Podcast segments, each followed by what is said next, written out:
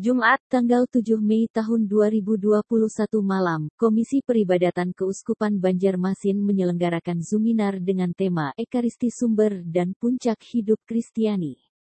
Kegiatan yang diadakan untuk merayakan Bulan Liturgi Nasional 2021 Keuskupan Banjarmasin tersebut digelar dengan media Zoom dan disiarkan secara langsung melalui kanal YouTube Pusat Pastoral Keuskupan Banjarmasin. 91 partisipan Zoom mengikuti kegiatan yang menghadirkan narasumber RP. Stanley Viani Pondak MSC Beliau saat ini berkarya sebagai Ketua Komisi Liturgi Keuskupan Manado dan juga dosen liturgi Sekolah Tinggi Filsafat Seminari Pineleng.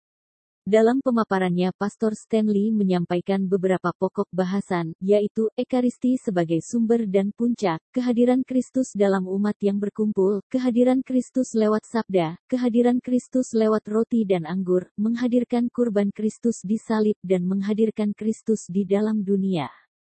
Dari pokok-pokok bahasan tersebut, Pastor Stanley menegaskan bahwa partisipasi dalam Ekaristi pertama-tama sebagai perjumpaan umat beriman dengan Kristus yang hidup sebab Ekaristi adalah kehadiran Kristus yang hidup. Ekaristi juga merupakan identitas gereja sebab di mana Ekaristi dirayakan di situlah gereja. Gereja ada dan hidup jika gereja secara teratur berkumpul dalam Kristus, mendengarkan sabda Tuhan, sebagaimana perintah Kristus sendiri. Oleh karena itu setiap umat beriman memiliki kewajiban untuk merayakan Ekaristi pada hari Minggu. Usai penyampaian materi oleh narasumber, peserta diberikan kesempatan untuk mengajukan pertanyaan melalui kolom chat.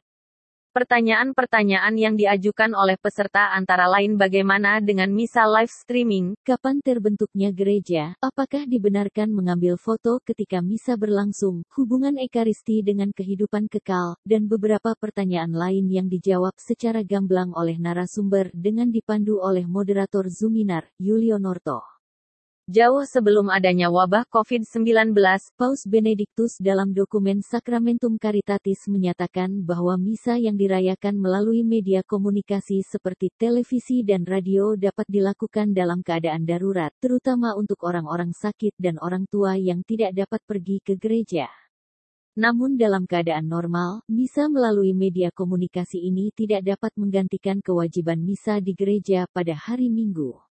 Ekaristi yang dilaksanakan dalam live streaming itu adalah ekaristi pada saat situasi krisis. Jadi saat situasi normal dan gereja sudah dibuka, marilah kita kembali merayakan Ekaristi secara normal dengan datang ke gereja pada hari Minggu, urai Pastor Stanley Viani Pondak MSC menanggapi pertanyaan salah seorang peserta Zuminar. Smer.